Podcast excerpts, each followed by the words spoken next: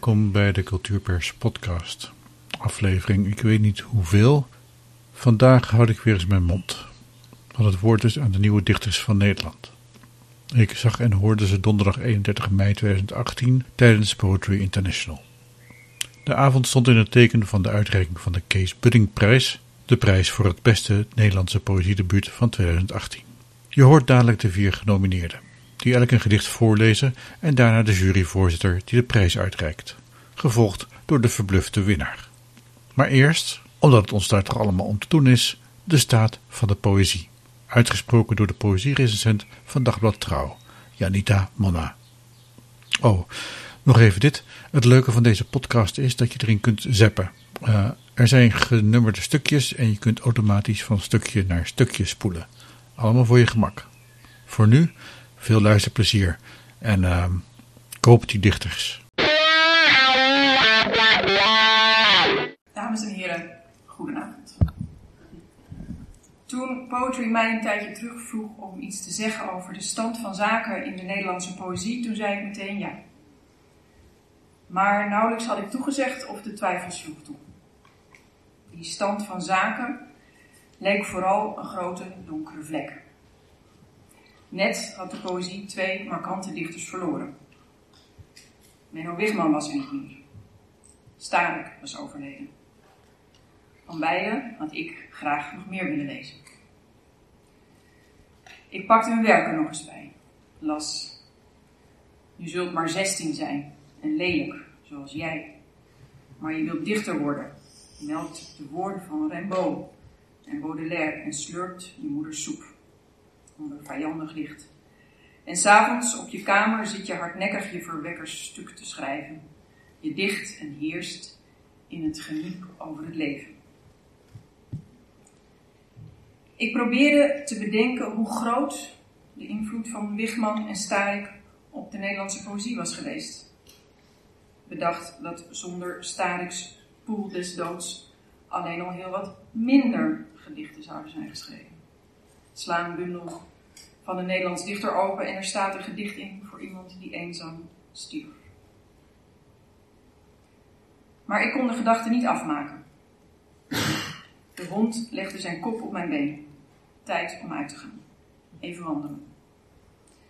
Wandelen is goed voor het gesprek en het denken, zo las ik een tijdje terug nog bij Martin Rijns. Al wandelend komen vaak allerlei ideeën boven. Nu ook. Maar met poëzie hadden die niks te maken. Wel met het alom aanwezige daslook en of je daar soep van kon maken. En met het fanatiek getimmer van de spechten in het park. Een vrouw kwam voorbij. Ze hield een golden retriever aan de lijn. Haar hond snuffelde even aan de van. De vrouw keek onderzoekend naar mijn hond. Wat is dit er voor een? Een Antilliaanse straathond, antwoordde ik. We spraken nog even, waarna de vrouw verder liep en ik ook. Maar mijn gedachten waren een zijpad ingeslagen. Die wandelden niet langer tussen vier rechtopstaande Nederlandse kastanjes, maar langs krom gewaaide dividivibomen. De voorzichtige lentezon had in mijn hoofd plaatsgemaakt voor de onontkoombare Antilliaanse hitte. En wonderlijk genoeg maakte ze vandaar een sprong naar de poëzie. Tot anderhalf jaar terug namelijk waren die kromme, struikachtige bomen en die onbarmhartige zon mijn dagelijkse werkelijkheid. Tot anderhalf jaar terug woonde ik in het stukje Nederland met de meeste zonuren, Bonaire. Mede dankzij de moderne techniek kon ik poëziekritieken blijven schrijven voor trouw. En terwijl om me heen overal het papiermens klonk, hield ik via de poëzie een lijntje met Nederland. Dat betekende dat er eens in de zoveel tijd per ouderwetse post een pakketje boeken uit Nederland kwam. En daarin zat dan bijvoorbeeld Archaïs de Dieren van Esther Knip. Met die averechtse manier van denken en die heldere uit taal regels. Stel dat je opnieuw kon bij even na twintig. Je bouwde een liefde, een huis, een kind. Beminde, beminde. Vermeed het bekende, en tuimelde over vreemde ellende. Stak dan in dat andere lijf en hoofd een vergelijkbare twijfel en aarzel. Een andere keer gooide de postbode vanaf zijn scooter een envelop over de tuinhek met daarin ontsnappingen van Eva Gerlach. En zittend op een door zon, zout en wind tamelijk gammel geworden stoel las ik. Wat stuk is, koester het, niet langer dan het vraagt. Laat het alleen met rust, met rotzooi, met hoe de dingen uit elkaar vallen, met pijn. Vaker dan eens zat er een nieuwe Delphine Leconte tussen de stapel, waarna ik dan weer dagen verstrikt was in haar surreële, kolderieke, angstaanjagende gedichten, zoals ik danig, ondersteboven was van celinspecties van Esther Naomi Perquin. En Helene Gelens met deze regels weer een beetje verkoeling in de tropische hitte bracht. Vandaag hier en daar een windvlaag die wild wordt, van los vast blad. Het is de windvlaag die alles losmaakt en weer loslaat, behalve haar woeschwaaiende blaadjes. Geregeld viste ik uit die door de verre reis vaak nogal verfomfaaide parketten iets totaal onbekends. Iets nieuws. Kira Buk, Hanneke van Eiken, Charlotte van den Broek, Marieke Rijneveld, Hanne van Winsbergen, van overzee bekeken dacht ik vaak, wat een leven zit er in die poëzie. Maar wacht even. Terwijl ik dit zo opschrijf, valt me op dat er alleen vrouwen in het rijtje staan. Was mijn blik daarop Bonaire gekleurd geraakt door de matriarchale maatschappij waarin ik leefde? Vielen mij vooral de vrouwelijke dichters op omdat ik zelf nu eenmaal vrouw ben?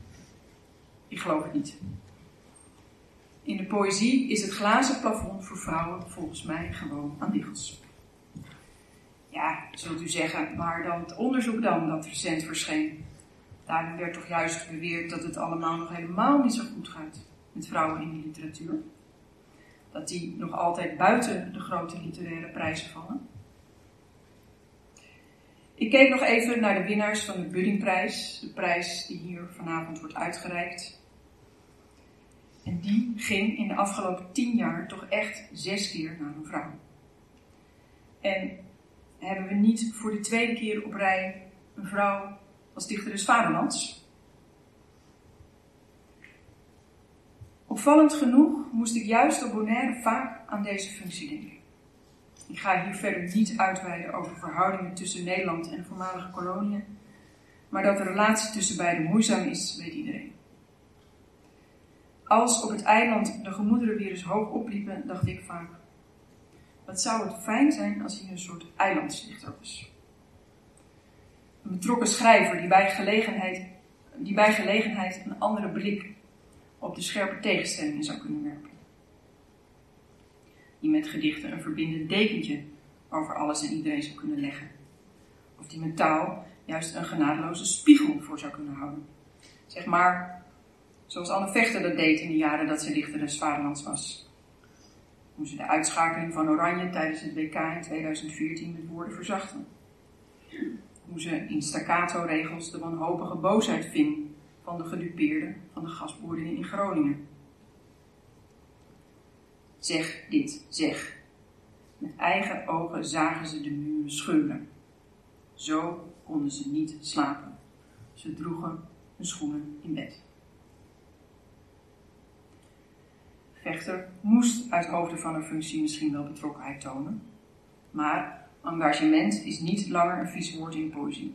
Niet bij vrouwen en ook niet bij mannen. Kijk maar, de vluchtelingencrisis, de aanslagen in Parijs, Brussel, de klimaatveranderingen, van Piet Gebrandi tot Alexis de Rode, van Maartje Smits tot Mirjam van Heen. Het laat geen dichter onberoerd. Dat constateerde ook de jury van de VSB-prijs VSB Poëzieprijs in 2017. Opmerkelijk, ik citeer, opmerkelijk is vooral de drang van veel dichters, jongeren, maar ook oudere routiniers, om midden in hun tijd te staan. Ze zijn zich sterk bewust van de uitdagingen waar wij ons met z'n allen in de 21ste eeuw voor gesteld zien. En willen hun eigen poëtische stem bewust laten meeklinken. De vluchtelingenproblematiek, migratievraagstukken en de economische crisis zijn opvallend aanwezige thema's.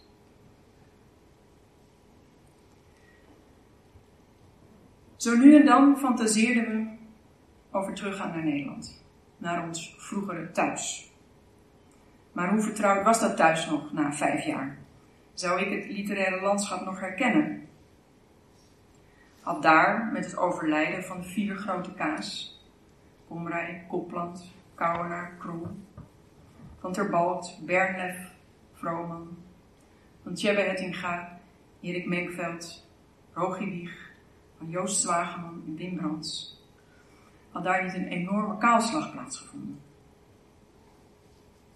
Sommige oeuvres waren misschien af, maar van andere dichters had er eigenlijk gewoon een nieuwe bundel moeten liggen. En toch, kaal bleek het niet toen ik terugkwam. De leegte die was ontstaan bleek alweer behoorlijk gevuld. Met heel veel jonge dichters, met heel veel goede jonge dichters, vrouwen en mannen. Dichters zo goed dat de VSB-prijs twee jaar achtereen naar een debutant ging. Was dat dan de stand van zaken? Een springlevende, geëngageerde poëzie en de vrouwen stevig in het zadel? Ik denk het wel. Behalve nog dit. In trouw van een paar maanden terug kwam Van Bashirif aan het woord over zijn bloemlezing Zwart. Hij had daarin, samen met EBC Rauw, Afro-Europese literatuur uit de lage landen verzameld. Verhalen veelal van jonge Nederlandstalige auteurs, wier wortels in Afrika lagen. Zo'n bloemlezing was meer dan nodig, vond Sherif, want de Nederlandse literaire kanon was veel te wit. Daarin moest verandering komen en hij is niet de eerste die dat vond. Over tien, hooguit twintig jaar, zou dat anders zijn. Moest dat anders zijn. Zo vonden de samenstemmers. Verandering kun je afdwingen met quota. Maar daarover klonk Dean Bowen in zijn genomineerde bundel nog optimistisch. Ik citeer: Quota is slechts mensen afvinken, kleur afvinken, gender. Voor verandering zijn er altijd een paar nodig die voor de troepen uitlopen. En die rol, de rol van voortrekker, die vervult de Nederlandstalige poëzie. Zie de genomineerden van vanavond. Twee vrouwen, twee Vlamingen, twee dichters van wie de roots verder buiten de Hollandse polders liggen. Vier dichters met werk dat die hokjes overstijgt. Vier dichters van wie taal en beelden die opvier op veer. Die poëzie schreven die mij ongemakkelijk maakt en vrolijk tegelijk. Poëzie met regels waardoor ik bovendien een lijntje met de Antillen houd. Want als die vijf jaar tropen me iets hebben opgeleverd, dan is het heimwee. Naar het onmogelijke blauw van de lucht, het onmogelijke blauw van de zee. Die heimwee stel ik nu met poëzie en met wandelen met mijn hond. Ik dank u.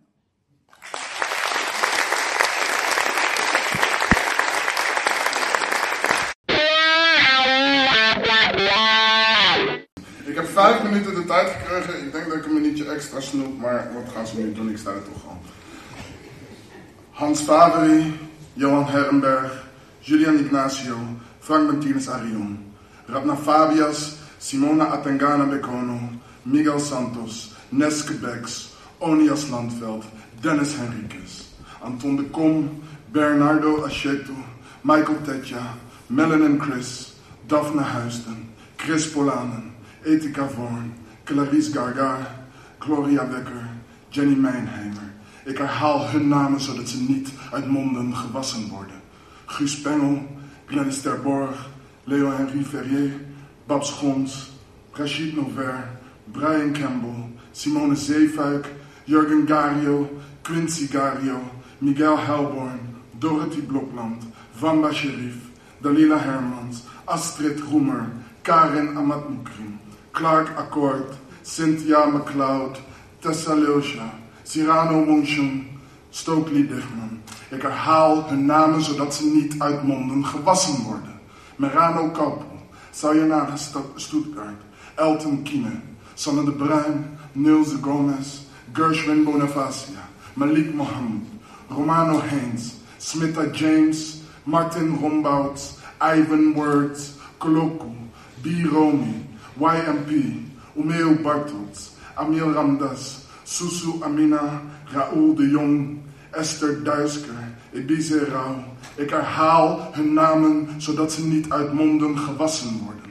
Jasmina Alas, Olave Bassaboze, Helene de Beukelaar, Nozizwe Dube, Sabrine Ingabire, Kiza Magandane, Ahmad Al-Malik, Alphonse Mwambi, Helene Christel Mungayende, Melat Negosi, Chika Unikwe, Saade Noor, Saade Noor Hussein, Anusha Nzume, Glenda Randami, Baba Tarawali, Alberto Zita, Fiep van Bodegom, Trevossa, Edgar Cairo, Michael Slory. Ik herhaal hun namen, zodat ze niet uit monden gewassen worden. 1. Ik ben geboren Aruak. Van dit land al 5000 jaar geleden geboren, was hier voor Europeanen die geen naam dragen in mijn oorspronkelijke tongval. Ik ken verhalen van dit water voordat het water voor plantages was de ziel van mijn volk. Misschien evenals waren wij vergeten in je boeken, werden wij de eerste aan het werk gezet. Maar dit lijf niet gebouwd op de lasten die jij het opdrong. De littekens in het land te menden, want ik weet nog het eerst de Engelsen toegegeven. Maar hoe toen de Nederlanders. Want ik weet hoe je volken van niet hier bracht naar mijn huis, waar je afstand van mijn hart en vingers in deze bodem twee. Ik ben herboren tussen zwarte lichamen onder een dek. Erboven. Zag niet de oceaan die me bracht naar waar jij dit lijf wilde werken tot de botten ontbloot. Het Zeelse schip was virulante gedood, maar wij zouden onszelf niet breken voor jou. We kaapten het schip. Maakten van onszelf een vrijheid in het jaar van jullie vader 1780. We volgden het water voorbij de plantages en de zes namen die wij onszelf gaven, maar ons, wij, zwerfland, bouwden een leven op en zien nog altijd mijn nazaten in de binnenlanden van Mama Sranang. Drie mannen, maximaal 25 slagen. Vrouwen maximaal 15 slagen. Jongens maximaal 15 slagen. Meisjes maximaal 10 slagen. Kinderen? De kinderen. Vier. Het is de bodem die je opeist nu nog. Er bestaat niet zoiets als gevonden land. Je ontdekkingen waren ontmoetingen. Bezoedeld in bloed, in leugens, in roof, in mij woeden nog altijd de stormen Wilhelmus. Mijn moeder, geboren onder bekende vlag en wimpel, daarom ik hier. Daarom ook mijn vader, want men weet niet dat er nog altijd een nieuw Amsterdam is waar hij vandaan. Ik mag niet vergeten, want je kiest niet te herinneren. Men weet niet van het bezit van Berbice of Essequibo of Demerara, maar als ik je vraag aan te wijzen op de land, kijk jij mij vragend aan? Vijf. Ik neem het je niet kwalijk. Maar ik neem het je kwalijk. Jouw familie hield geen slaven, maar de welvaartgenoten. Je schafte de slavernij af. Betekent ons tien jaar langer werken!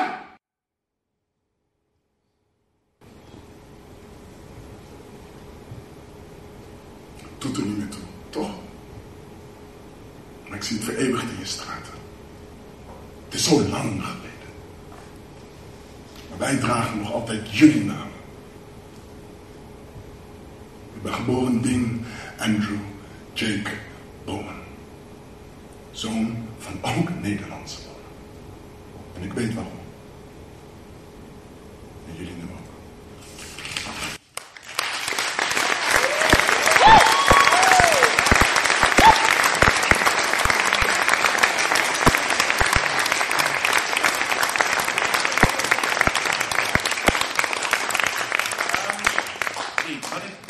is te groot misschien voor één vraag. Ik heb maar één vraag. Dit wat we zagen en, en je hele bundel lezen, een explosie is het, een, een, een, een ongelooflijke kracht, een woede, ook geestig. Het is, het is alles. Ik wilde graag aan jou vragen, wat, waar begon dit mee? Wat triggerde? Wat las je toen je dacht, dit, dit ga ik doen? Um, is een hele vervelende vraag, maar ik oh. weet het niet. Uh, nee, nou, ik, ik, las bijvoorbeeld ook over een aantal inspiratiebronnen. Noem je misschien, of juist helemaal niet misschien, had je de vijftiger bijvoorbeeld? Um, nou, ik haal inderdaad de vijftigers aan en die hebben mij zeker beïnvloed. Maar ik denk dat, ik niet, dat mijn schrijf niet zozeer voortkomt uit een, um, uit een idee dat ik me tot andere schrijvers of een kanon zou moeten verhouden. Nee. Deze bundel kan veel meer, denk ik, organisch tot stand. Je schrijft over wat je op dat specifieke moment bezig had. en iedere keer als ik probeerde te kaderen wat ik aan het doen was, liep het uit op een hele slechte poëzie. wat was er zo slecht aan? Wat, wat, wat? Te, te geconstrueerd. En ik denk... Te bedacht. Te bedacht. Um, en dat heeft geleid op een, en dat niet willen doen heeft geleid op een bundel die echt nou, met enige regelmaat uit de bocht schiet. Ja, uh, vind ik wel. Het, het, is het boek wat het moest zijn, maar ik weet niet daadwerkelijk of het het beste boek is van het jaar. Nee, die ga je altijd moeten schrijven. Dus, um, nou ja, als je het goed doet, ben je nooit helemaal klaar. Dus um, ja, ik ben gewoon nog wel, van plan om lekker dingen te doen. Ben je bezig? Ik ben dan wel bezig aan het volgende boek. Kijk, Diebo en daar.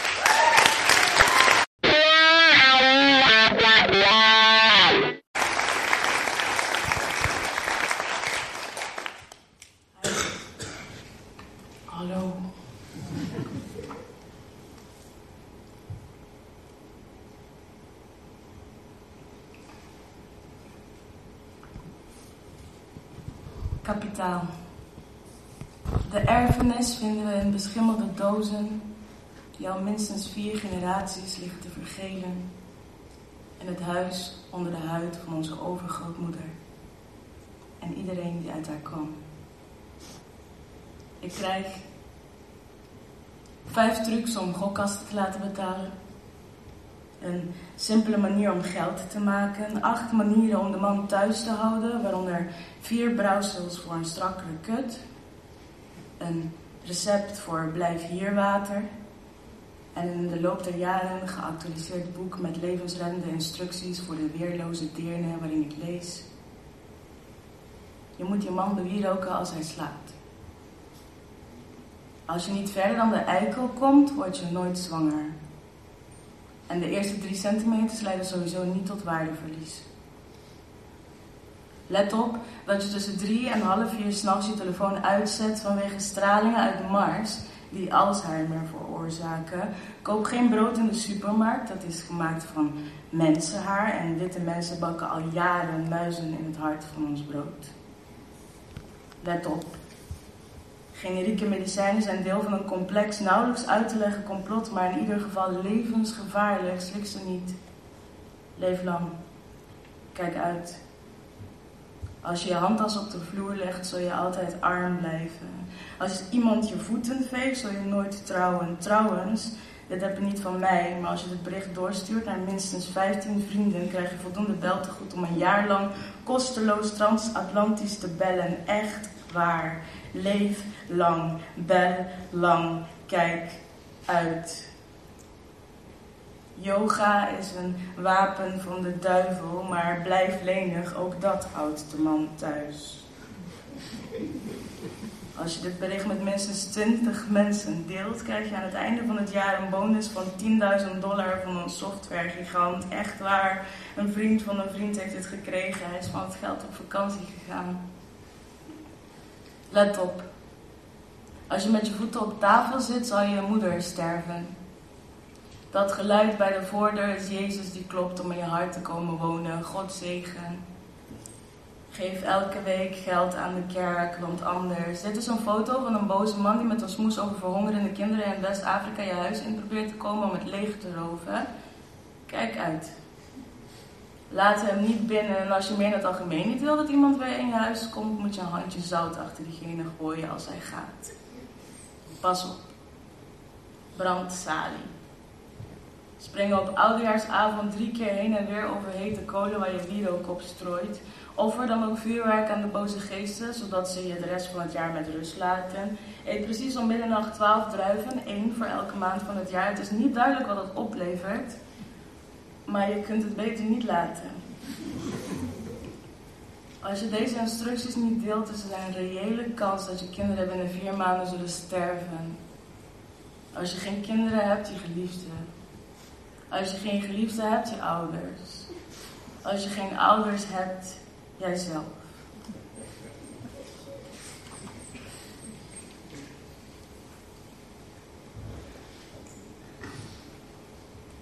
Slotscène. Op het vliegveld trek ik de haren uit mijn onderarmen. Ik scheur mezelf glad. Ik schrop mezelf schoon alleen nog onder mijn nagels de aarde waarin ik groef. Wat ik vond, slikte ik door. Ik ben een halve ton zwaarder. Ik houd van mijn omvang. Ik ben naakter dan ik zijn mag. Ik raap mijn onderbroeken op. De onderzoeker van mijn röntgenbeeltenis knikt dat ik door mag lopen. Mijn holten zijn leeg. De laatste inspectie toont dat ik niets explosiefs onder mijn rok draag. Ik ben geen gevaar. De leemte wordt niet geïnspecteerd. Het ruist in mijn holtes. Mijn holtes zijn leeg. Niemand zag het. Maar ik stapte uit mijn huid. En ik was naakt. En ik was pezen, spieren, aders. Ik was rood.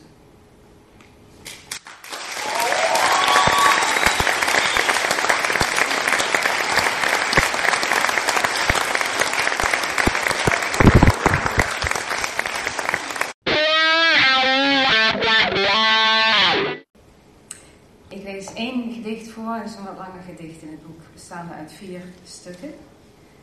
En het is een gedicht over een gevoel van benauwdheid, of een herinnering aan een gevoel van benauwdheid.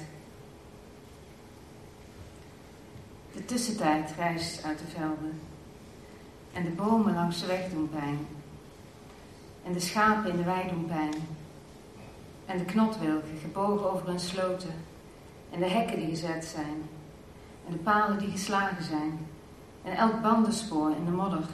En elke groef en elke plank. En elke hoop zand.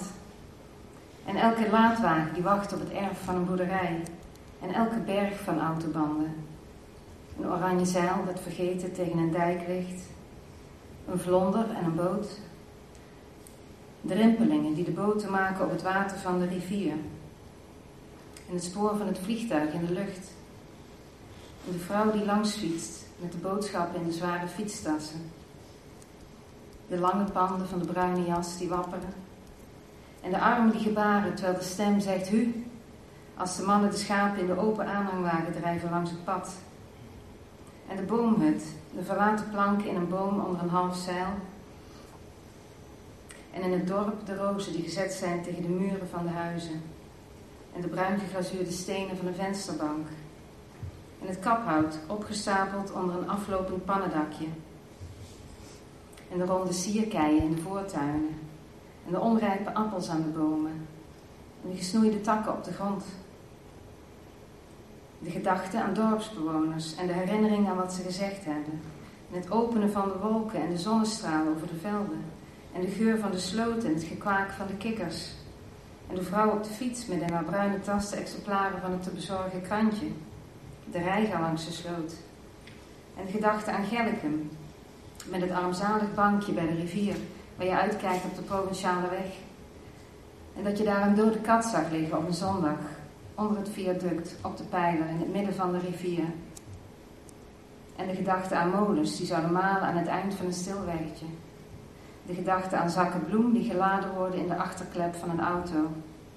En hoe in het café aan de ruwe donkere tafel de mensen zitten met hun kaart spelen. En hoe toch de rozen jaar in jaar uit hier bloeien en de vogels hier komen nesten alsof.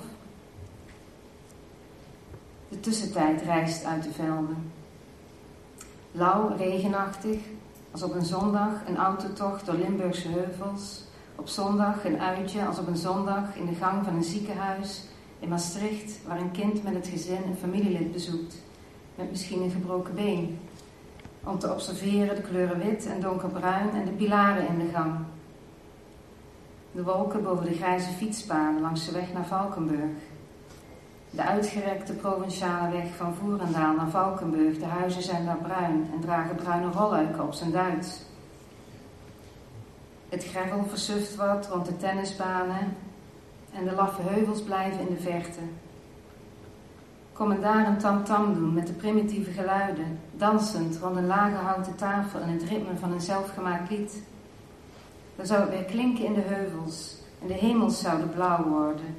De wereld zou meel worden en niet meer zijn het rood van de tennisbaan, het culturele centrum van het dorp, en het grijs van de stoeptegels en een massagraf, en het groen van de eeuwige voetbalvelden.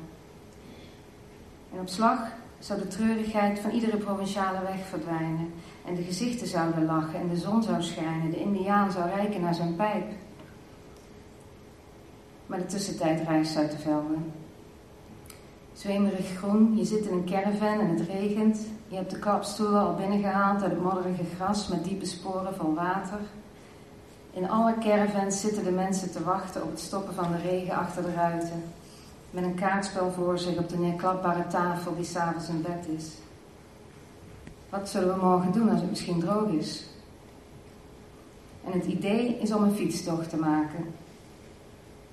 De mensen nemen plastic zakjes mee met boterhammen die ze eten op een bankje geplaatst door de gemeente. Of ze nemen een uitsmijter in het café, waar bromvliegen aan de verschoten gordijnen hangen, waar nog gerookt wordt aan de donkerhouten tafels, kaartspelen. De mensen staan op en fietsen verder. Langs de schapen, de boerderijen en langs elkaar. De fietsers met het zonlicht in hun fietsbellen. Naar Asperen, de stadsmuur, de rivier, waar ze zitten op het dek van hun vrije tijdsboten. Asperen met zijn blakerende straten, de nauwe huisjes aan elkaar geregen. Asperen, dat drukt op de hersenen. De, de brug naar Leerdam, daar zingt het hart. Daar in de stad de reden van bestaan verdwenen. De witte aanval van de HEMA. De mensen kris kras op straat om iets te kopen. De behoefte aan toiletartikelen is groot. De Horendijk is een herinnering die geforceerd kan worden opgeroepen. Toch met een slee de dijk af in de vriezende winters, het ongelooflijk gouden zwart van het zinderend asfalt in de zomer. Op zondag een lichtgroene fiets met feestelijk witte handvatten, zes jaar, en de wereld springt van tak naar tak. De tussentijd reist uit de velden naar een kooi en de mensen zijn verdwenen.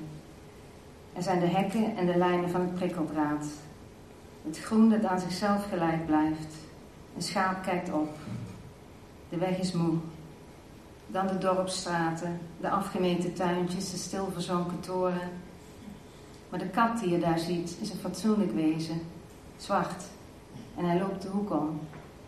Dankjewel.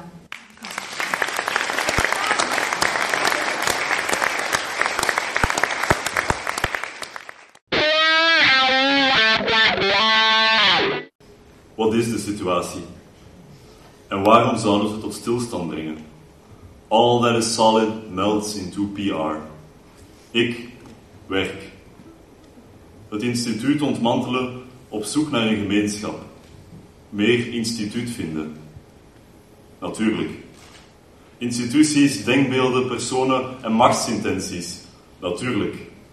De nieuwe barbarij, kortweg de situatie. Mijn middelen, mijn instrumenten, ook de situatie. Heldhaftig en belachelijk marcheer ik naar werk. Links, rechts, links, rechts, links, rechts. Opgeladen en vol van potentieel, strategisch in de war. Ik weet nog niet wat ik zal doen. Net doen als de anderen, ik weet niet goed waarom. Om niet meer bang te zijn. Achteloos en argeloos kopen wat nog te kopen valt het wordt stilaan donker, het ademen gaat moeizaam. Wat is de situatie? Geen werk, maar bezetting. Op jacht in een veld van extreme machtsverhouding. Uitgesmeerd en blind beweeg ik me door de 24-7 op zoek naar rust, naar slapende weerstand, naar de economisch robuuste familie, naar een eigen oorlog geheel de mijne om te verliezen. In eerbied over te geven aan een tastbare vijand. Ik wou dat ik iets hoopvols te zeggen had. Iets nuttigs.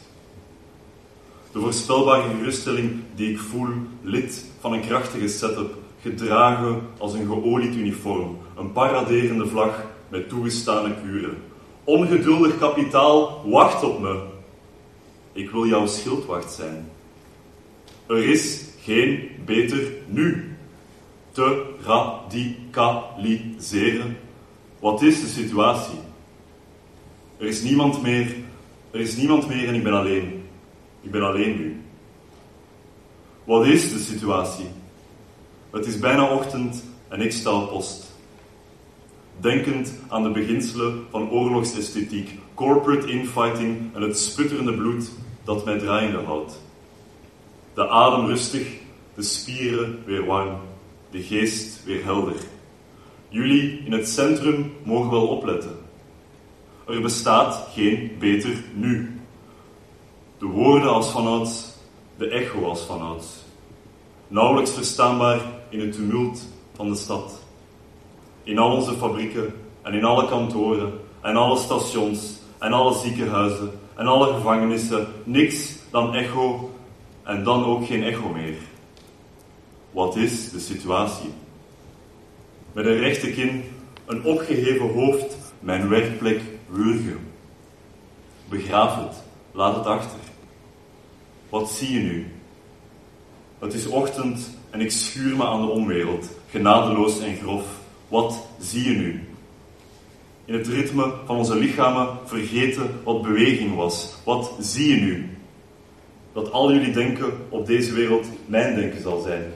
Dat al jullie geloof op deze wereld mijn geloof zal zijn. Wat zie je nu? De kracht van speculatie, de kracht van het verschil. Wat zie je nu?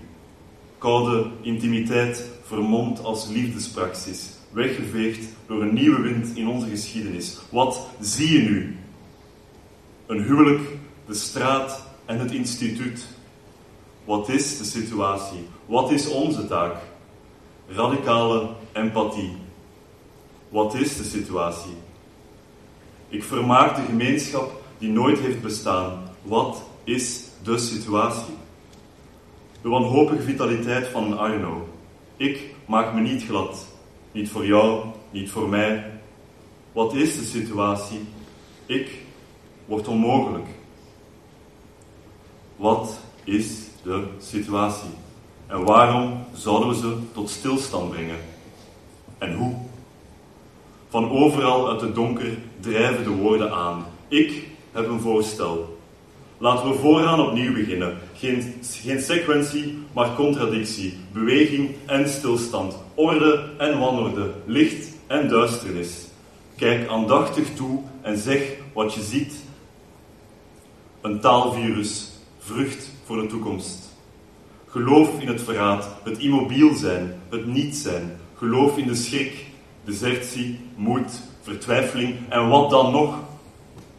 Ik zie de huidige feiten onder ogen en beken niets. Ik eer, ik geloof, ik wil. Laat ons beginnen met een ontegensprekelijk feit. Ja, ik was het. Mijn lichaam is gereed, uitgedost in het parfum van dit overleven.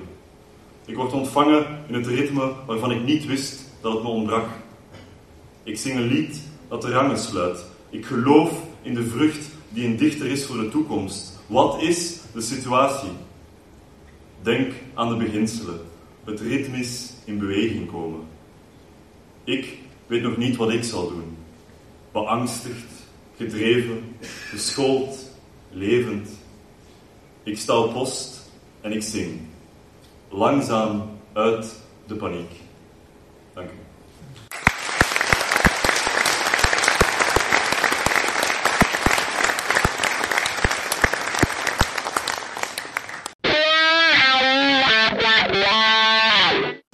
debuten. Dat was de oogst waarmee de jury van de Zeebuddingprijs 2018 het moest doen. En kwantitatief is dat weinig bijzonder. Zeker niet als je je realiseert dat zich onder de debutanten enkele auteurs bevinden die al enige tijd meedraaien in het literaire veld. Of daarbinnen zelfs tot mastodont gerekend kunnen worden. En toch, hoewel de jury zich niet op longitudinale vergelijkingen kan beroepen, heeft ze het stellige idee dat dit een zeer bijzonder buddingjaar is. Of beter, er gebeurt iets in de Nederlandstalige poëzie. Wij menen dat te kunnen benoemen in drie trends. Dus we doen eigenlijk ook nog een gooi naar de staat van de poëzie vanavond. Trend 1. In de ingezonden bundels overheerst opvallend vaak de combinatie van experiment en engagement. Een ontwrichting, of soms zelfs een radicalisering van de poëtische vorm, gaat dan hand in hand met allerlei vormen van maatschappelijke kritiek. In veel gevallen betreft dit poëzie met een intellectualistische inslag die soms wat ten koste gaat van het taalplezier, van de prosodie, van de ritmiek. De bundels die de jury onderscheiden met de nominatie slaagden er alle in om niet alleen te komen tot experiment, engagement en kritiek, maar ook tot poëzie. Ze maakten niet alleen een poëticaal of maatschappelijk standpunt kenbaar, maar ook voelbaar. Trend 2. Een groot deel van de inzendingen past in de lijn van identiteitspoëzie, waarin de zoektocht naar een ik centraal staat. Op zichzelf is die zoektocht zo oud als de moderne poëzie. Denk aan Rimbaud's Je et un autre. Bijzonder is echter dat we in veel debuten een expliciet politiek ik, politiek ik tegenkomen, dat de verhouding tot de gemeenschap zoekt en vooral die notiegemeenschap problematiseert. De genomineerde bundels betrekken hun lezers meer of minder expliciet bij die zoektocht en kennen hun daarbij steeds een zeer actieve rol toe. En dan trend 3. Poëzie waarin iets gebeurt verschijnt dit jaar opvallend vaak bij kleinere uitgeverijen die zich ophouden aan de rand van het literaire veld. Dat wil zeggen, veel bundels die ons als jury geraakt hebben, beschikken niet vanzelf over het institutionele voordeel dat de jarenlange reputatie van hun uitgever oplevert. Wellicht zijn het ook deze kleinere uitgeverijen die de bovenstaande trends mogelijk maken. Maar zoals we al stelden, een longitudinale studie hebben wij niet verricht. Wat we wel hebben gedaan is vier bundels genomineerd. We hebben ze uitgebreid aan de orde zien komen. En we willen ook graag een bijzondere vermelding maken, eh, namelijk voor Stalker van Joost de Korte, dat net buiten de nominaties viel. En ik zal nu over elk van de genomineerde alfabetische volgorde iets lovends zeggen. Allereerst, Dean Bowen, Bokman. Bokman biedt weerstand. Deze poëzie is een constellatie, een tomeloze schepping, uiteengevallen geboren tussen zwarte lichamen. Bowen maakt het zijn lezers niet gemakkelijk in dit zeer ambitieuze debuut, dat zich nog het best laat omschrijven als een onvoorspelbare reis. Het is een reis die zichzelf te boven gaat, in poëzie die luid opleeft, dat hebben we gehoord, en transatlantisch polyglot een zondige verrukking blijkt. De nieuwe taal van deze bundel wordt vereist door de nijpende thematiek. In de laatste afdeling, Chansons van de Diaspora, toont Bowen hoe ver hij bereid is te gaan om tot meer stemmigheid te komen. De dichter laat de traditionele taalstaat aan alles vernietigende bloei ten onder gaan om plaats te maken voor een nieuwe, bijeengeplunderde en vooral gezamenlijke identiteit. Eén ding blijft daar voortdurend voorop staan: de helende zelfzorg die poëzie heet. Radna Fabias dan met Habitus. Habitus zindert. Het is moeilijk te zeggen wat het meest beklemt in deze bundel. Het tropische eiland, het Nederland waar de ik-figuur naartoe reist of de categorieën die afkomst en bestemming projecteren op het lyrische ik. Fabias maakt deze beklemming voelbaar en tegelijkertijd gooit ze geëikte opposities als wit-zwart, man-vrouw, ik-ander open. Door ingenieus gebruik te maken van een cameramatige, maar uitgesproken lyrische stem die alle perspectieven opentrekt en het nooit schuwt om zichzelf op het spel te zetten. Even kenmerkend als memorabel zijn de rauwe uithaal en de donker humoristische toon. Fabias slaat ons herhaaldelijk, snijdt het beest open, durft te grossieren. Deze poëzie is vlezig, goddelijk vunzig soms en breekt wat ons betreft de Hollandse dichtkunst weergaloos open, rekent af met het veilige vers. Elisabeth Tonnaar voor het ideaal leest de schaal.